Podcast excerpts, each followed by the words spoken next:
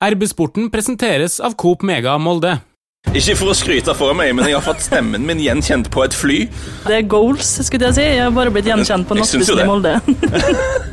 Men dere må jo bare snu den på hodet. da. Hver gang en Molde-spiller har ballen i boksen på Emirates på torsdag, så er det bare å kippe den opp i hånda på Korselny eller hvem det er. Ja, men Da starter det neste problemet. skjønner du. Hvem er det som skal ta den straffen?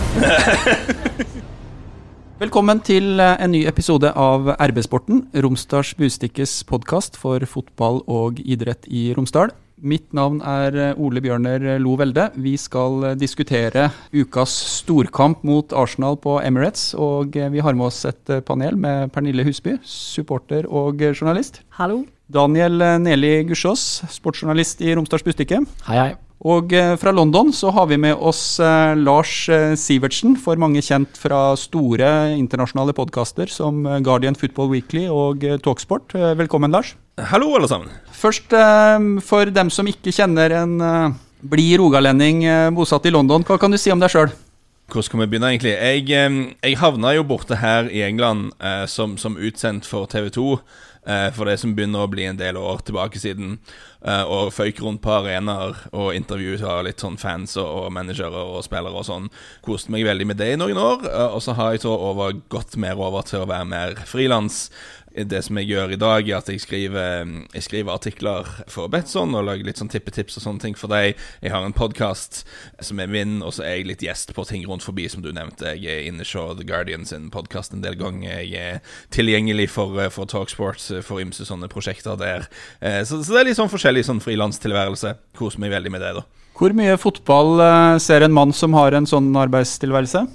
Eh, fryktelig mye, da. Eh, fordi eh, Ikke for å avsløre yrkeshemmeligheter, da, men sånn det har blitt for meg at jeg skriver jo Jeg er jo på en måte engelsk fotballmann fra det norske perspektivet, da. Altså Jeg skriver om Premier League for Betson, og min, min podkast heter PL-kvarteret, så litt av hintet ligger jo i tittelen der.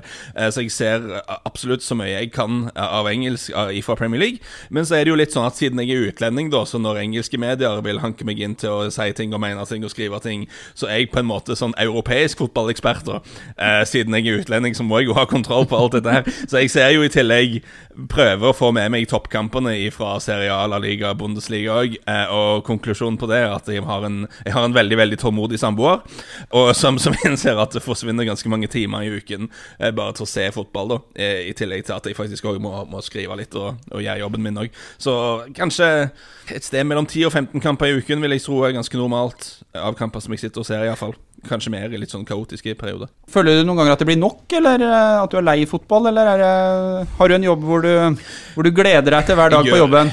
Det, det som er kjekt da med at jeg har litt sånn helikoptersyn på det hele, og at jeg følger litt forskjellige ligaer, er at du kan jo liksom sette inn litt støtet der det er spennende ting som skjer, liksom. Altså sånn når, når, Atalanta spiller festfotball hver uke, liksom, så er det ikke noe du gruer deg til å se de kampene. Men det er vel mest det, det som av og til kan føles som et pliktløp, da, er Jeg føler at jeg bør se nesten altså så nær så alle Premier League-kampene som blir vist direkte som mulig. Mandag ettermiddag, når det er sånn full M West Bromwich og sånn, da tenker du litt sånn Er dette nødvendig? Men skal man liksom drive og skrive, skrive ting og, og, og synse ting og sånn, så syns jeg det jo det ligger en sånn Du er litt pliktig til å prøve å få med deg så mye som mulig òg, da. Men det er en drømmejobb. Eh, enkelt og greit. Eh, men man har jo ikke vondt av ferie litt av og til heller. Nå gleder jo vi oss eh, i panelet her i Molde veldig til torsdagen og kampen på Emirates. Men hvor vil du plassere den her i, i ditt fotballandskap? Altså Normalt sett så er jo gruppespillkamper i Europaligaen ikke det mest spennende, men jeg syns jo det er kjempekult når vi har norske lag som møter Premier League-motstand. Jeg er ikke mer komplisert enn at jeg syns det er skikkelig stas. Jeg husker For en del år tilbake siden så så jeg Tromsø spille mot Tottenham på gamle White Hart Lane. Det var jo kjempestilig, eh, selv om det var litt sånn enveiskjøring der. Vi her i Molde vet jo hvor eh, gode Molde fotballklubb kan være når de eh, får det til. Men hva er din vurdering av MFKs sjanser på Emirates før kampen? Jeg hadde likt sjansene bedre i fjor. Altså Det som har Ikke for å gå altfor tungt inn på det allerede nå, på så tidlig stadium av podkasten, men det som kanskje har vært Arteta sitt store prosjekt i Arsenal, er å gjøre laget litt mindre tøysete, for å si det på den måten. Altså for, for, Mer stabilitet, mer profesjonelt. Min, mindre sånn slurv over Eh, hele linja. Bare, Bare Eh, inn bare- og- bare skyt inn der, Lars. Er det derfor Øzil ikke spiller? Nei, Jeg tror faktisk det kan være en del regnestykke, altså. Men bare rett og slett for at han skal Han vil ha spillere som presser der og når de får beskjed om å presse, og ikke surre rundt og gjøre sånn som de vil. Det at Guendouzi ble sendt på tur òg, har litt å gjøre med det å gjøre. For han er en spiller som er veldig talentfull, men veldig rotete i stilen. Og akkurat det er jo et lite minus, for Arsenal er en sånn klubb der du tenkte før i tida, iallfall for ikke mange år siden Hvis du treffer de på en torsdagskveld med, med en del reserver på laget og ikke 100% motiverte, og, så, så, så, bør et, et, lag som Molde, et lag som Dundalk òg for den saks skyld, ha, ha, muligheter til å gjøre et eller annet. Men jeg, jeg, er redd for at akkurat nå er det litt vanskeligere da enn det kanskje ville vært for litt tid tilbake. Daniel, du kommer rett fra MFK-trening nå og hører Lars sin analyse. Hva, hva, er din vurdering av eh, Molde inn mot eh, kampen? Min vurdering er at de eh, faktisk har troa på at de skal klare å få med seg noe. Det er vel ikke så mange rundt som har troa på det, men det er jo som Lars sier, at det er jo ikke sikkert at det å møte Arsenal i år er det beste for et MFK-lag. De har vist at de kan sjokkere i Europa før, men jeg skal innrømme det at jeg tror da at Arsenal-spillerne tar det her på alvor. MFK har seks poeng, like mange som, som Arsenal. Så ja, jeg blir, jeg blir overraska hvis MFK får med seg noe her, da. Går det an å gi noe beskrivelse av eh, stemninga der borte, når du, når du var prata med dem nå? Nei, Det er jo tydelig en spent gjeng, da, men en veldig fokusert gjeng. Og Erling var veldig på at de skulle behandle det her som en vanlig kamp. og Play the match, not the occasion, som er et kjent norsk uttrykk, eller? Wow. Ja, ja. Så det er nok en helskjerpa gjeng som, som, drar dit. Så jeg er litt, jeg er litt spent på dem, hvilket tenningsnivå de kommer ut på, egentlig. Jeg lurer på OE, altså. OE som er Arsenal-supporter. Altså, kommer han til å svime av før kampstart, eller hvordan blir det? Jeg tror at han fort må finne seg å starte på benken også. Ja, Men det er sikkert stort nok for han å sitte på benken på Emirates. han både sett litt i, sett litt i lys av uh, ja, manglende skåringsform og litt det at han har vært veldig tent på Arsenal her, så tror jeg det er greit at han kanskje ikke er et hothead fra minutt én. Se for deg det scenarioet, da. Altså OI som har bomma, bomma, bomma, bomma. Og så kommer han inn på Emirates og skårer. Da tror jeg kanskje det har ligget langflat bak sofaen og i spasmer, altså. Ja, men sa det at han kom aldri til å komme seg hvis det, hvis det skjedde. Nei, ikke jeg heller, tror jeg. Men jeg har troa. Hva tenker du når du hører uh, sånne historier, Lars, altså om uh, tippeligaspillere som uh, faktisk skal møte det som er idola sine, og, og hva det gjør med, med, inngangen til en kamp, og, og hvordan det påvirker? Nei, jeg syns det er dødskult. Altså, det er Norge det kjekkeste vi har med fotballen, at vi får kvelder som dette her. Altså, Arsenal vi har jo hatt mye snakk om at man skal kanskje ha en sånn europeisk superliga og sånn, der de, de, liksom skal slippe å måtte spille mot lag som Molde, disse her rikeste klubbene.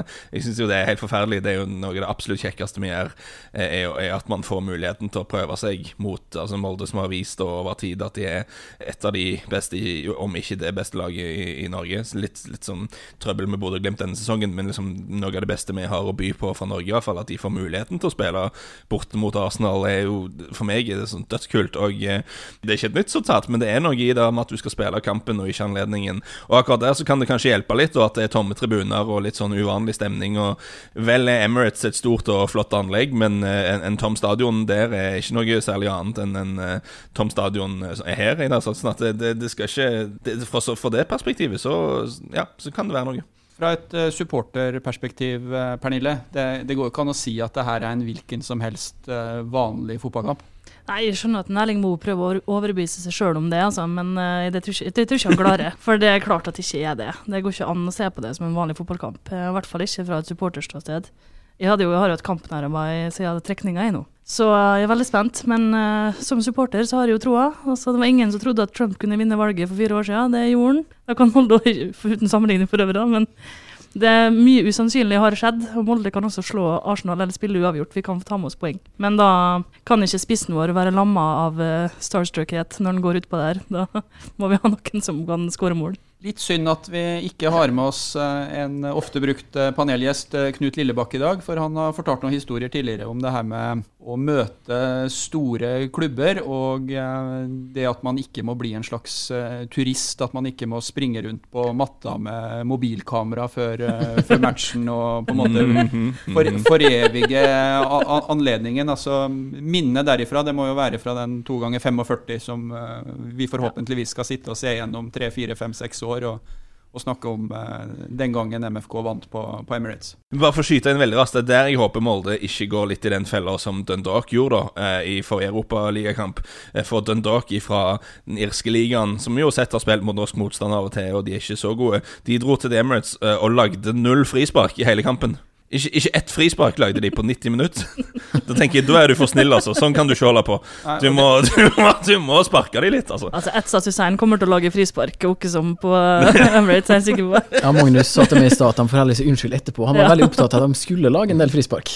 Ja, og hvis du skal dit på kosetur, så kan du dra dit etter koronaen og ta turen på Emirates da, istedenfor å dra og ta bilder nå. Det er ikke Hva slags eh, inngang tror du eh, Arteta har til en, eh, en sånn kamp som Arsenal-manager, Lars? Hva, hva, hva snakker de om nå, når de skal møte Molde på torsdag?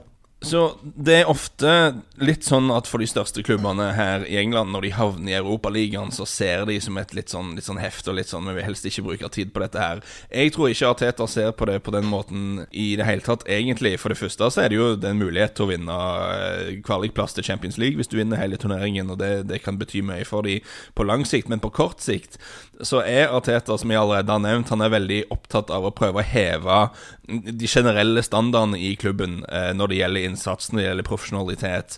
Og en av de tingene eh, Arteta virker å være veldig opptatt av, er at han belønner spe altså spillere som trener godt, eh, og spillere som jobber skikkelig. De blir belønna med, med A-lagskamper. Og eh, i teorien, vi vil nok ikke få Arsenals sterkeste elver her, men Arteta ser på disse kampene, og jeg tror spillerne òg ser på det, eh, som viktige eh, minutter til å la spillere som ikke er førstevalg, få vise seg fram. Eh, hvis du ser på lagoppstillingen deres mot en dog, så har du sånne yngre spillere som Reece Nelson og Eddie Nketiah og Joe Willoch, som er ikke milevis under A-laget i det hele tatt, mens du har stallspillere som eh, Mustafi Kolasnash Maitland Niles, eh, Nicola Pepe, som koster 70 millioner pund eller noe sånt, når de henter han, som, som ikke er fast lenger. Og, så for disse spillerne så har Arteta vist at de som jobber godt på trening, og de som jobber godt når de får sjansen i sånne kamper, de, de vil få sjansen i de store seriekampene òg. Han bruker de minuttene til noe nyttig, da, for å si det på den måten. Hvordan er oppmerksomheten rundt eh, Molde fotballklubb i Storbritannia? Altså, hvis du hadde tatt det her opp rundt uh, i panelet Guardian Football Weekly, hva slags kunnskap kunne du liksom forventa rundt bordet om, eh, om MFK? Det er vel mye Solskjær, da, som er, som er linken de fleste tar. Og så vil noen kanskje ha en formening om at uh, Braut Haaland har, uh, har vært der og kanskje kunne navngi en og annen spiller og sånn. Men selvfølgelig er Solskjær sånn merkevaremessig så er det jo utrolig med, med mye Solskjær, det meste av det, vil jeg tro. Hva er din eh, vurdering av Ole Gunnar sin uh, situasjon for øyeblikket i, i Manchester United? Artig at du skulle si det. Jeg satt akkurat og, eh, og hakka på et manuskript til en podkast som jeg skal gjøre for meg sjøl nå senere i ettermiddag, om Solskjær, tenker jeg. Um, hmm. Som dere skjønner, så er jeg ikke helt ferdig med manuskriptet. Uh, det, det, det.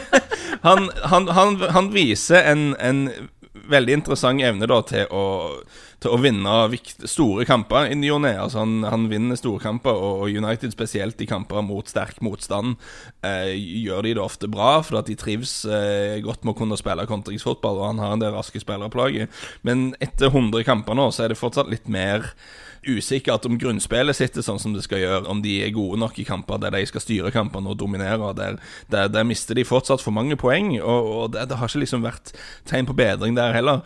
Eh, så man må liksom ta en vurdering på om det er spillermateriale som ikke er godt nok, eller om treneren kanskje kunne gjort en litt bedre jobb på det området. da. Er det noe diskusjon rundt eh, trenerbakgrunnen hans eh, i Storbritannia? Altså Her eh, hvor vi sitter, så er jo Ole Gunnar den eh, store helten, naturlig nok, som har henta trofeer til, til Molde fotballklubb. Men eh, regnes det som trofeer i en så stor fotballnasjon? De, de, de gjør nok ikke det av ganske mange Hæ? av er kritikerne, da.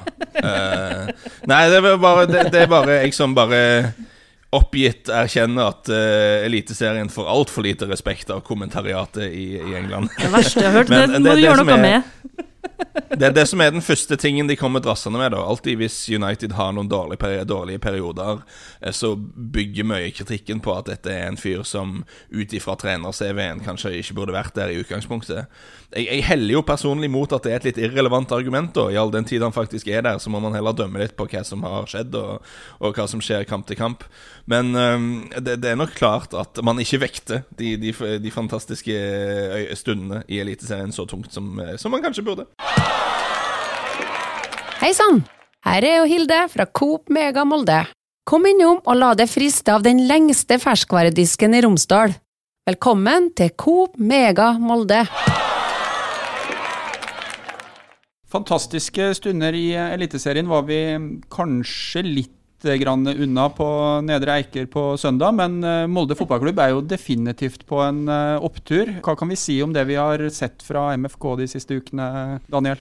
Et lag som eh, har begynt å virkelig finne formen. Eh, det er jo litt sånn nesten som venta at det skulle bli sånn som det ble i, i Mjøndalen. Altså Det blir kriging eh, på Nedre Eiker, som, eh, som vi alle vet, men de fikk dratt i land poengene. Det er det viktigste når det skal sikres Europa 2021. Men vi så mot Rapid Wien hva som virkelig bor i dem, og de har vist de siste ukene at denne kampen her kommer på et fint tidspunkt, da, etter at de eh, sleit litt tidligere i høst. Det var fantastisk mot eh, Rapid Wien. Jeg må innrømme at det er første gang på veldig veldig lenge at jeg virkelig har sittet og latt meg på en måte underholde av spillet. Altså Følelsene er hele tida til stede når du ser en, eh, en fotballkamp med MFK, men så underholdende som, eh, som MFK spilte den matchen. Og det ga, det ga umiddelbart sånn håp og ønske om at det her bare må fortsette. Ja, så var det 90 minutter Ja, med kampen, ja. god, god fotball, og ikke bare en omgang etter at de har fått en litt dårlig start på matchen. Jeg, alt i alt så, eh, så er jeg i hvert fall tilfreds med mye av det jeg har sett eh, i det siste. Altså. Rapid Wien var årets beste kamp, det er ikke tvil om. Og så mange som tok ansvar der òg. Ja, det var helt fantastisk å se på. Det var, jeg var liksom fylt av en ro, selv om OI hadde en, et par stygge misser. Eh, Jeg fant forresten ut at jeg var synsk da, under den kampen der. Jeg i hvert fall drev med en eh, maning på høyt nivå, for jeg kritiserte OI litt grann på Twitter i pausen. Jeg skrev at nei, nå håper jeg at OI setter den i andre, i andre omgang, sånn at eh, han får litt fred i sjela. Og hva skjedde? Så nå jeg selvutnevnt uh, synsk. Eh, men eh, Lars, bruker du å tvitre mens du ser på fotball? Har du tida til det når du ser så mange kamper? Um, jeg, jeg, jeg liker å ha det oppe da for å liksom se litt hva, hva folk mener og sånne ting. Og så kan man Det er jo alltid litt skummelt det med Twitter. Hvis du har veldig sterke følelser om et eller annet, så er det veldig lett å fyre av et eller annet som du kanskje angrer på tre minutter etterpå. liksom Så du må Ja, bite deg i to Ja. Du må bite deg i tunga og telle til ti litt av og til. Er- så, sånn som kamper sånn Europacupkvelder, da, så har jeg som regel to skjermer oppe, og så har jeg kanskje Twitter på telefonen som jeg ser litt på av og til. Ja, for det er ikke så farlig med meg. Jeg har vel 1200 følgere eller noe, men du har eh, nesten 43 000, så det er vel litt verre for det å skrive noe Ja, det- feil. det, det er løye med det. Den, den The Guardian-podkasten har veldig, veldig mye um, lyttere, da. Uh, jeg, jeg, sånn, jeg ser ikke sånn tall ukentlig på det, men jeg husker i fjor fikk jeg liksom sånn melding fra produsenten og sa at nå hadde vi hatt ei bra uke, for nå hadde vi de runda en halv million lyttere eller noe sånt den, den uken der. Eh, og det, det er sånn når du sitter og snakker i en podkast og tenker at det er såpass mange som kan høre på. Tenker du det jo, Da får du jo litt sånn puls av det. Og jeg har faktisk blitt um, Ikke for å skryte for meg, men jeg har fått stemmen min gjenkjent på et fly. Oi, Um, det må du fortelle meg om. min, min, sa- min, min samboer er fra Irland, da, sånn at eh, mens vi fortsatt hadde lov å reise, så var jeg litt over i Irland av og til en del med henne da for å møte familie og venner og sånn der borte. Og da, da satt jeg på et fly fra London til Dublin, eh, og så kom jeg i prat med sidemannen, for sidemannen var en sånn franskmann i, i 50-åra som skulle til Irland som turist, og så begynte vi å prate litt, og så viste det seg at han hadde spilt fotball på litt sånn ok nivå i Frankrike da, i, i sine dager. Så uansett så jeg snakka litt med sidemannen. Da på vei av flyet så kom det en bort og dulta borti meg, og så han, hadde, han syntes, uh, syntes podkasten vår var veldig kjekk, for han hadde kjent igjen stemmen min når jeg snakka med sidemannen min på flyet. Det, det, det, det syns jeg var litt stas. Oi, det, er- det er goals, skulle jeg si. Jeg har bare blitt gjenkjent på nattbussen i. Molde. det er ikke like stas. det har jo jeg aldri gjort, da, så Nei, det, det jeg kan jo ikke ha jeg, ikke så mye å stille opp med der, altså. Eh, Vi var litt innom eh, det at eh, Daniel kommer rett fra Aker stadion nå. Og sjøl om det er litt koronarestriksjoner også i Norge, og litt høye skuldre, så er jo tilgangen eh, man har til idrettsutøverne veldig ålreit i Norge sammenligna med i, i Storbritannia. Kan du si noen ting om, om hvordan det er å hente informasjon, og, og, og, og hvor nært man kommer på spillerne i det her sirkuset? Nei, man, man, man kommer jo uh, ikke nært i det hele tatt. Og dette er sånn, sånn dag-til-dag-journalistikk som dere holder på med, gjør jeg forsvinnende lite av i disse dager. Men jeg var jo TV 2-korrespondent en, en stund, og da var det litt mer sånn at man Litt mer typisk sånn øh, Ja, mer typisk journalistikk som dere holder på med. Og da, da merker du jo veldig at du får veldig dårlig tilgang til ting. Og, og som dere sikkert, hvis dere følger ting gjennom engelske medier, så er det mye sånn ryktespalte og mye sånn tendensiøs eh, rapportering av ting. Men det er jo fordi at man får jo ingen skikkelig tilgang til noe. Det mest ekstreme eksempelet tror jeg var vi skulle intervjue en Chelsea-spiller. Jeg lurer på om det kanskje var William. Og, og da er det sånn, siden jeg jobber for TV 2, og TV 2 har rettigheter, så får man liksom tilbud om å komme på sånne intervjuer, da. Hvis man ikke jobber for folk som har rett, betalt for rettigheter, så får man veldig lite. Og det var avtalt sånn eh, en uke eller to i forkant, om de hadde meldt inn liksom hvem som skulle komme. Men så fikk vi kjempetrøbbel, da, for at de måtte skifte av fotoperson i, i siste liten. Dette var et engelsk produksjonsfirma vi, vi jobbet med, så det var, ikke, det var ikke noe norsk. Men det var en han en, lokale fotomannen måtte, måtte melde pass pga. familiekrise eller noe sånt. Så vi var så vi fant en annen fotomann. Og når vi da kom til treningsanlegget til Chelsea, så slapp ikke han inn. Fordi at det er sikker på at det finnes sånne atominstallasjoner med dårligere vakthold enn på disse treningsanleggene her. Og, og, og det, det skulle jo komme inn, og da var det da sånn ja, Navnet mitt var på listen, og navnet til en annen person der var på listen.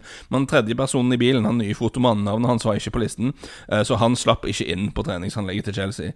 Og konteksten her er jo òg at vi skal jo ikke vandre rundt eh, fritt på anlegget. Når vi kommer inn der, eh, så må vi gå til et bestemt intervjurom der da denne spilleren skal komme inn, akkompagnert av en medlem av liksom kommunikasjonsavdelingen til klubben, som sitter der og tar opptak av alt som blir sagt. Eh, Så det er ganske kontrollerte former, da. Men selv da så kunne de ikke ha inn han her fyren som det var feil navn på lista på. da Så vi må rett og slett bare kjøre, kjøre bak en busk og bare legge han i bagasjerommet på bilen. eh, og, og komme oss forbi porten på den måten, da. Så, så, så at det gikk jo greit til slutt, da. Men, så, så det er jo ganske spesielle forhold, eller var iallfall det for noen år siden. Når jeg holdt på med dette her Jeg, kanskje, jeg har en følelse at det har ikke blitt løsere siden den gang. Um, Jonas uh, Berg-Johnsen, som dere kjenner fra norsk TV, hadde vel et eksempel på et intervju der han skulle snakke med Ryan Giggs. Eh, Der han måtte melde inn alle spørsmålene i forkant og få de godkjent. Eh, Og så on, on the day da så havna han i kjempetrøbbel. Ikke fordi han stilte feil spørsmål, men fordi han hadde stilt i litt annen rekkefølge enn han hadde meldt inn. Da hadde han fått trøbbel med kommunikasjonsfolka til United. Og, men, men det jeg vil nevne, da som har litt relevans for denne kampen, er at Arteta er et interessant tilfelle. da For jeg intervjua faktisk Arteta da på en sånn, sånn sit down-intervju midt i uka.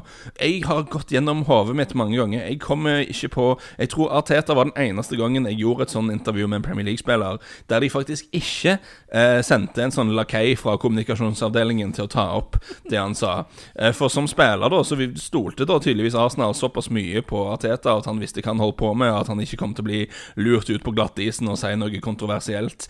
Eh, at han faktisk eh, lot de snakke på egen hånd, da. Og det, det klarer jeg ikke komme på eh, skjedde med noen andre. Og jeg holdt på med dette her eh, i en, en, en stund, iallfall, og gjorde ganske mange av disse intervjuene.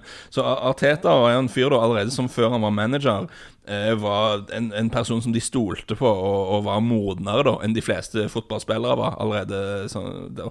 Så sa han ingenting interessant heller, da. Så det var jo noe. Jeg skulle ikke si at uh, dette lovde godt fordi at vi uh, er forespeila en mulighet til å, til å snakke med Arteta eh, i samband med kampen, men, uh, men det siste du nevnte, det var jo litt bekymringsfullt. Han, han har vært, det må jeg si, som trener så er han en fyr som imponerer veldig, da. Iallfall de gangene jeg har sett intervjuer med han. Nå vet jeg ikke hvor mye han føler han har lyst til å si en sånn Om det blir en sånn Skype-pressekonferanse, eller hvordan dere gjør det.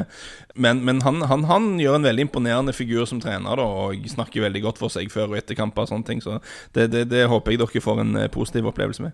Litt spent på å se Arsenal når de kommer, eh, kommer hit til Molde. For det er jo en relativt uh, liten uh, by, og um, det har vært noen artige opplevelser nå i samband med, med koronastenginga. Vi har nevnt i tidligere episoder at um, for å få spilt litt uh, fotball, så må det gjestene lag ut på noen breddebaner. Og for uh, ei lita uke siden så, så sto faktisk Rapid Wien og venta på at Jente 15-laget som jeg er med og trener, skulle bli ferdig før de fikk lov til å gå ut på banen. og jeg går ut ifra nesten at det ikke vil skje når Arsenal kommer i, i desember. Ikke si det. Jeg vet at er Arsenal-representanter har da, vært da, og må dere, da må dere ha fotograf på plass, altså, uansett, for å fotfølge deg rundt forbi. Jeg vet at uh, Arsenal faktisk har vært og sjekka ut Reknesbanen, så du skal ikke vekk fra at uh, det kan skje igjen. De vil, jo, de vil jo sikkert ha ei trening på dagen der. Eh, de får jo offisiell økt på Aker kvelden før, men klart når kampen her er vel klokka ni den òg. Uansett hvis det er klokka sju, så vil du fortsatt sikkert ha ei lita økt tidlig på dagen. Da, så at vi får se uh, Aubameyang på treffer huset der, det skal vi ikke se vekk ifra. Kanskje du kommer på Tinder òg, hvem veit. Hvor eh, vant eller uvant er de med, med kunstgress? Fins det ei kunstgressbane, tror du, på Arsenal sitt treningsfelt, sånn at de får forberedt seg på underlaget? Det har de. Jeg er veldig nysgjerrig på om de vil prioritere å bruke tid på det. Det kan være at De har en del sånn inne, innehaller og sånn der, om jeg ikke husker helt feil. Det kan jo definitivt være en, en fordel for Molde om det er noe de lar være å gjøre. Det, det er et veldig interessant poeng. For det er jo veldig sånn eh, Det med å spille kamper på kunstgress er de veldig eh, fy-fy og ikke bra her borte. Så det, det er nok noe som eh, det vil bli fokusert litt på i forkant av den kampen, vil jeg tro. Tidlig eh, desember her, det kan jo være snø, det kan være sludd. Det du kan være helt sikker på, er at Molde fotballklubb uansett kommer til å vanne banen, for det ser jeg de gjør, gjør hver gang eh, det er europeisk motstand på denne tida av året. Sånn at eh, underlaget kan nok i det oppgjøret ha, være med og, og spille inn, da. Nå skal det nevnes at Arsenal er jo kjent med det fra den turen de hadde til Østersund for, for to år siden, hvor det var tosifra antall kuldegrader når, når den matchen gikk. Men det er ikke, jeg ser nå på terminlista til Molde nå, og Arsenal-kampen er 26.11. klokka 18.55. Ja, det var ikke helt i desember, så Nei, ve- veldig bra korrigering, Pernille. Takk. Eh, noe annet som vi er, er litt uh, uvant med, eh, er jo uh, bruk av uh, videodømming. Vi kjenner det fra sofaen, men eh, foreløpig så er det ikke eh, i bruk i eh, Eliteserien. Eh, vi eh, fikk jo erfare hva det her var mot uh, Ferencvaros i utslagskampen eh, i Champions League. Smertelig erfare. Ikke snakke om det, jeg blir sur.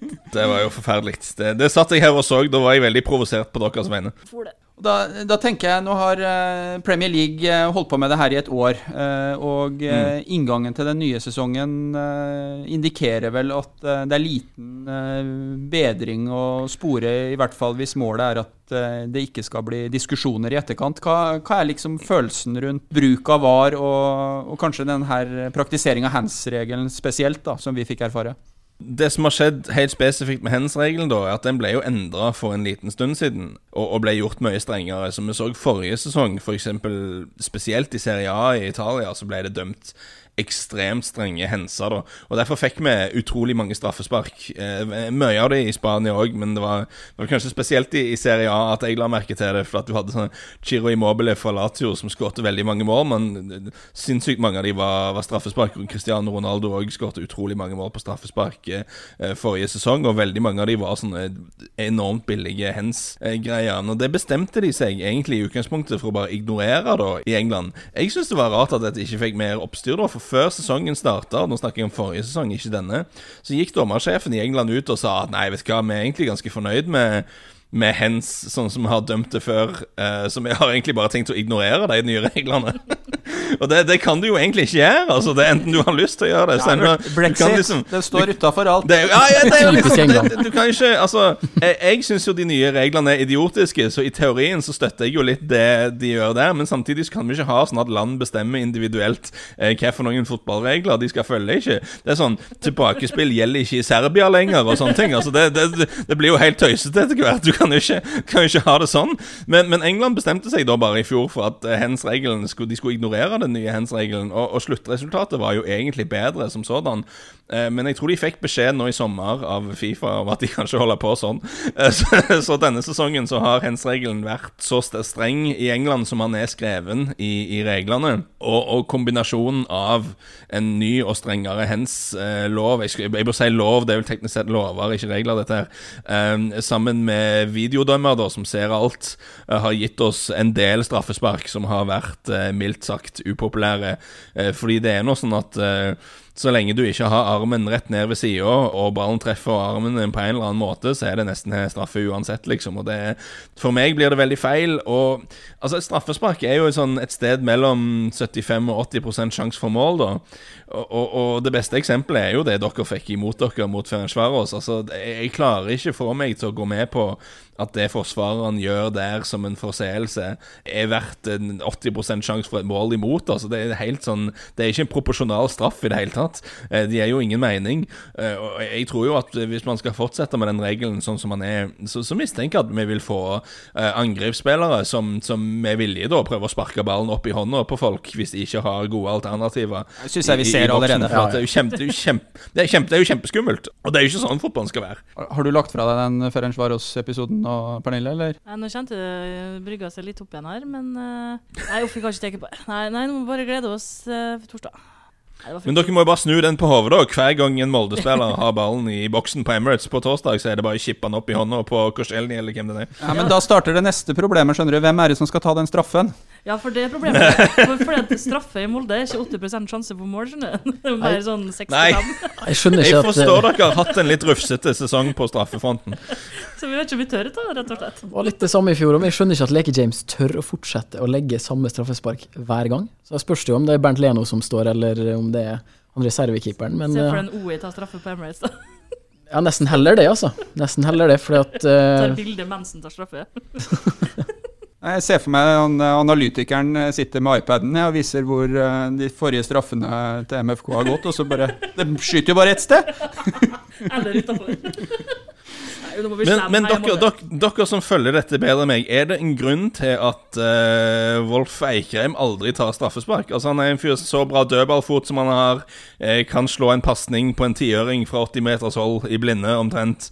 Men jeg ser jo han har aldri tatt straffe omtrent i, i karrieren. Er det noen sånn grunn til at han ikke gjør det? Ja, Det er et godt spørsmål, egentlig. Ja, Men eh, her i Molde så har det ofte vært sånn at eh, det er spissen som har tatt straffesparka. Med litt varierende Mm. hell de siste åra. Du ser jo sånn som eh, var det Karabakh, da? Den uh, tredje runden i uh, Champions League-kvaliken, så var det jo Da ville jo plutselig ingen ta. Da Nei, var det Etsas da- Hussein da, som eh, tok ansvaret, og han har jo ikke tatt et straffespark i sin karriere. Så det ble jo bom, men det skal han jo ha for at han tør å ta ansvaret, da. Men hvorfor Magnus aldri har tatt, det er nesten noe vi må Ikke bare si, sjekke. si, til, si til Wolf Eikheim at det du skal gjøre nå, er å sentre til krysset. Jo, men da sitter han. Da snakker vi opp Ta så 85 sjanse. Slå en lissepasning rett i krysset der. Så det bør jo være på det, det kan han jo gjøre, det er jeg helt sikker på. Ja, det er, det er helt overbevist. Der tror jeg du har rett, Lars. Vi er dessverre ikke på Emirates på torsdag. Vi har gjort eh, mange og eh, tunge vurderinger rundt det, og landa på at eh, kampen den dekker vi eh, fra Romsdalsgata og Romsdals Bustikkes lokaler. Kan du gi oss en liten sånn pekepinn på hvordan det ville ha vært å være der, Lars? Og sjøl om det er lenge sida, prøv å se for deg med tilskuere og en torsdag kveld under eh, flomlyset i eh, Nord-London. Det er vondt. Ja, nå, her finnes det veldig mange slemme vitser om atmosfæren på hjemmekampene til Arsenal som man kan komme med. Men jeg skal holde meg for god for det. Eh, Nei da. Emirates er et mektig anlegg, da. Jeg, jeg husker den første gangen jeg var på den stadion når han var nokså ny. Så det som slår deg, da, at det er utrolig svært, alt sammen.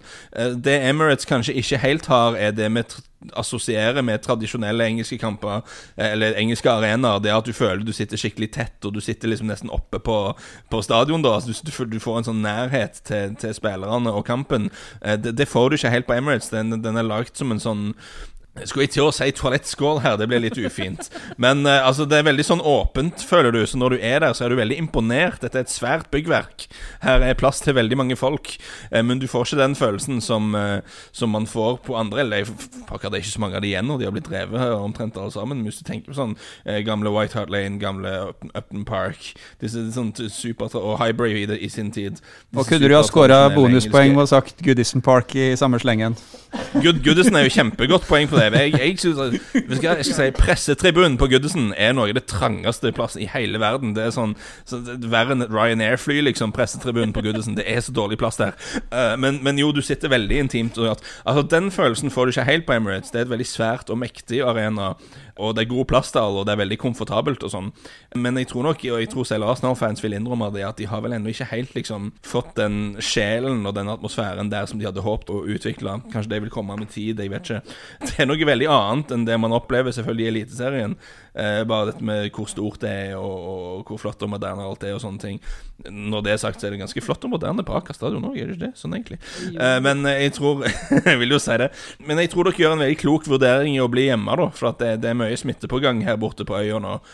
Disse tallene om eh, hvordan det går med, med korona og sånn. Nå skal de stenge puber og restauranter og sånne ting fra, eh, fra torsdag av, faktisk. Så eh, vi er på vei i feil retning her borte, så jeg tror dere gjør lurt i å bli hjemme. Resultattips. Hvordan går det på torsdag når Molde skal spille på Emirates? Pernille først. Nå så tok du meg bare fordi de smilte så lurt. Vi må la supporterfølelsene mine styre. Jeg tror Molde vinner 3-2. Er tre mål på Emirates, det er strålende. oi, oi. Daniel, kan du følge opp? To to straffer. Litt uh, avhengig av hvor eh, Nei, Jeg tror det er litt avhengig av hvordan laget Arteta sender utpå, men jeg tror Arsenal vinner 3-1.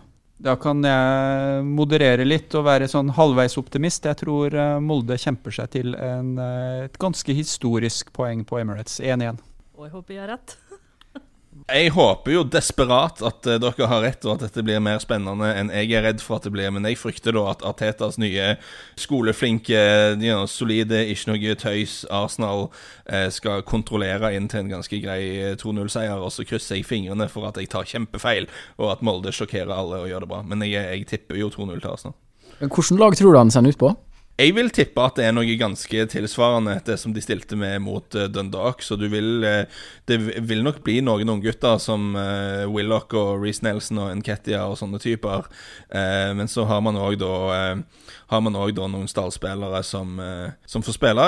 Ellen Enis er jo mest ikke for stallspillere å regne lenger etter han starta mot United, men jeg mm. tipper da det blir sånn uh, Nelson Nketia, Nicola Pepe får si av spilletid. Maitland Niles spiller, om han spiller back eller midtbane, det er litt usikkert.